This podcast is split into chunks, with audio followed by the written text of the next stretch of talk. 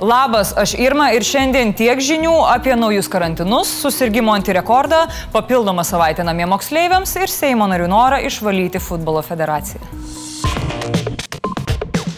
Vyriausybė dar dviem savaitėm pratęsė karantiną Raseinių rajone, bet kliuvo ne tik Raseiniams. Karantinas taip pat paskelbtas dar 12 savivaldybių. Įdėmiai pasižiūrėkite žemėlapį. Jeigu gyvenate kažkur čia, jau dabar galite dėtis kaukę ir žiūrim laidą toliau.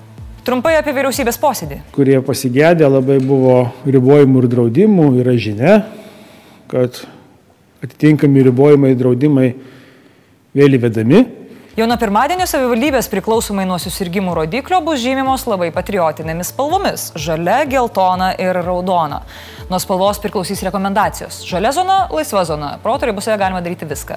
Geltona savivaldybėms paliekama galimybė suvaldyti padėtį, o raudona reiškia, kad zonoje rekomenduojamas karantinas. Jeigu jūsų miestas nusispalvino viena iš šių spalvų, turėkite galvoje, kad jame bus ribojamas viešojo transporto intensyvumas, negalėsite burtis didesnėmis nei penkių asmenų grupėmis, kaukė kaukės bus privalomos visiems vyresniems negu 6 metai ir netgi jeigu atrodytų labai jaunai vis tiek užsidėkit. Parduotuvėse bus ribojamas lankytojų skaičius ir visi kaip vienas turės tenktis dirbti iš namų. Taip pat negalėsite aplankyti tetos ligoninėje arba močiutės globos namuose. Žodžiu, nedarykime to, ką pradžioje sakė Veryga. Nesuremkime pečių. Dviejų metrų atstumas, Hebrutė, du metrai. O visoje šalyje nepriklausomai nuo zonų vėl bus ribojamas kavinių darbo laikas, o patekti jas galėsite tik tai su registracija. Todėl jeigu planuojate penktadienį romantišką pasimatymą, rezervuokit staliuką iš anksto. Aš tikrai labai nepatariu eksperimentuoti gaminant namuose, ypač jeigu statymai labai dideli. Veryga žada su mokslininkų pagalba paruošti viruso plitimo prognozę. Ministras taip pat patvirtino, kad jau dabar COVID-19 pacientams skirtos lovos užpildytos 60 procentų ir teks rezervą pildyti kitų pacientų sąskaitą. O prognozės ne nedžiugina. Tikėtina, kad jau labai greitai pasieksime 300 susirgymų per dieną vidurkį. Tarsi reikėtų sunerimti, bet Aurelijus ramus kaip Šekspyras Londono kabakė. Sako, gali visko būti, o gali ir nebūti. Taip, Aurelijau, po rinkimų galime turėti kitą sveikatos apsaugos ministrą. O galime ir neturėti. Lietuvoje naujas antirekordas. Per paskutinę parą nustatyta daugiau nei 300 susirgymų, o dėl koronaviruso netekome dviejų žmonių. Liga toliau plinta Blinstrubiškio globos namuose Raseiniuose, o Marijampolės meras Povilas Isoda perspėja, kad miestas dideliais žingsniais juda link raudonos zonos ir greitų metų gali tekti įvesti labai griežtus apribojimus. Kokius nedetalizavo. Neramu ir plungiškiams. Per dvi paras pas juos buvo užfiksuoti 37 atvejai. Visuomenės sveikatos centro atstovė Giedrė Lideikienė Šiaulienė teigia, kad plungėje virusas labiausiai plinta šeimose. Na, o tiek žinių skuba į pagalbą. Remdamiesi sveikatos specialistų rekomendacijomis, nuo šiol kartą per savaitę patarsime, kaip elgtis ir į ką atkreipti dėmesį siekiant išlikti saugiems. Ką daryti, jeigu draugas pakvietė į vakarėlį, o jame labai norisi dalyvauti? Remiantis pasaulio sveikatos organizacijos rekomendacijomis, atvykę į vakarėlį pirmiausiai nusiplaukite rankas, stenkitės laikytis mažiausiai vieno metro atstumo nuo kitų svečių, o jeigu to padaryti neįmanoma, dėvėkite nosį ir burną dengiančią kaukę.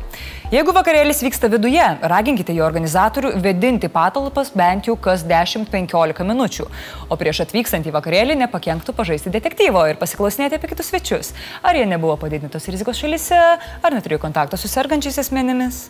Ir žinoma, svarbiausia, jeigu jaučiate bent mažiausius peršalimo simptomus, niekur neikite. Saugokime save ir kitus. Šiaulių meras Artūras Visotskas yra sakęs, kad virusas tiesiog nori gyventi. Dabar matome, kad jis siekia ir gero išsilavinimo. Augant užsikrėtimų skaičiui gydymo įstaigose, vyriausybė svarsto pratesti pirmadienį prasidėsiančias rudens atostogas mokyklose dar savaitį ir per tą savaitę mokytis nuotoliniu būdu. Liudesiukas mokinukams. Idėjos tiesiog paatostogauti dvi savaitės buvo atsisakyta. Kol kas dar neaišku, ar šis modelis bus taikomas visoms šalies mokykloms, ar tik tai įstaigoms žydiniais virtusiuose miestuose miestuose. Tikėtina, kad ir čia viskas priklausys nuo zonos. Toks sprendimas papiktino kai kuriuos tėvus. Pasak tėvų forumo atstovo Kestučio Mikolajūno, ministerija bando spręsti problemas tėvų sąskaitą, neįspėja jų iš anksto. Girdit? Kaip masiškai namuose, darbuose ir mašinose verkia Lietuvos tėvai, supratę, kas jų laukia.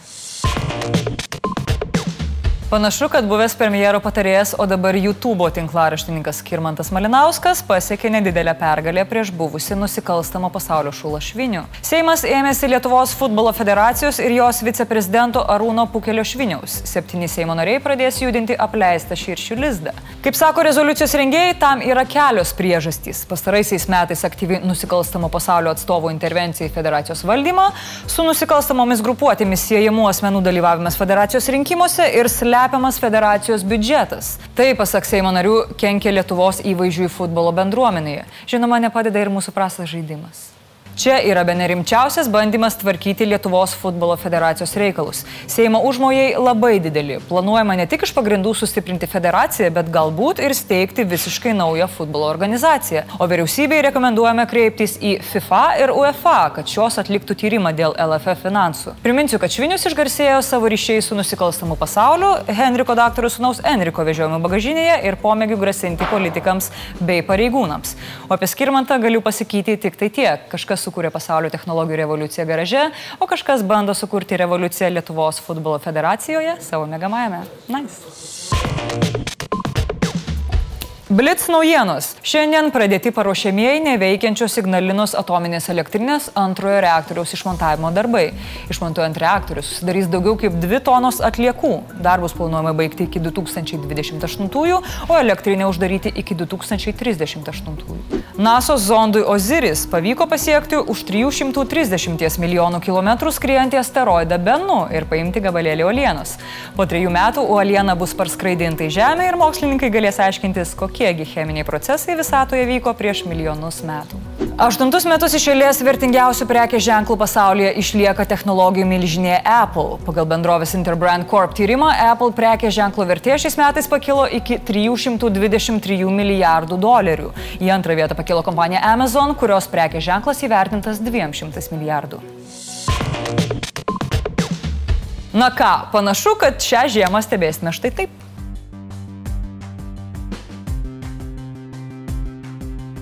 Ačiū, kad žiūrit ir domitės, sekite ir prisidėkite prie Laisvės TV turinio, nu aš sakau, tiek žinių.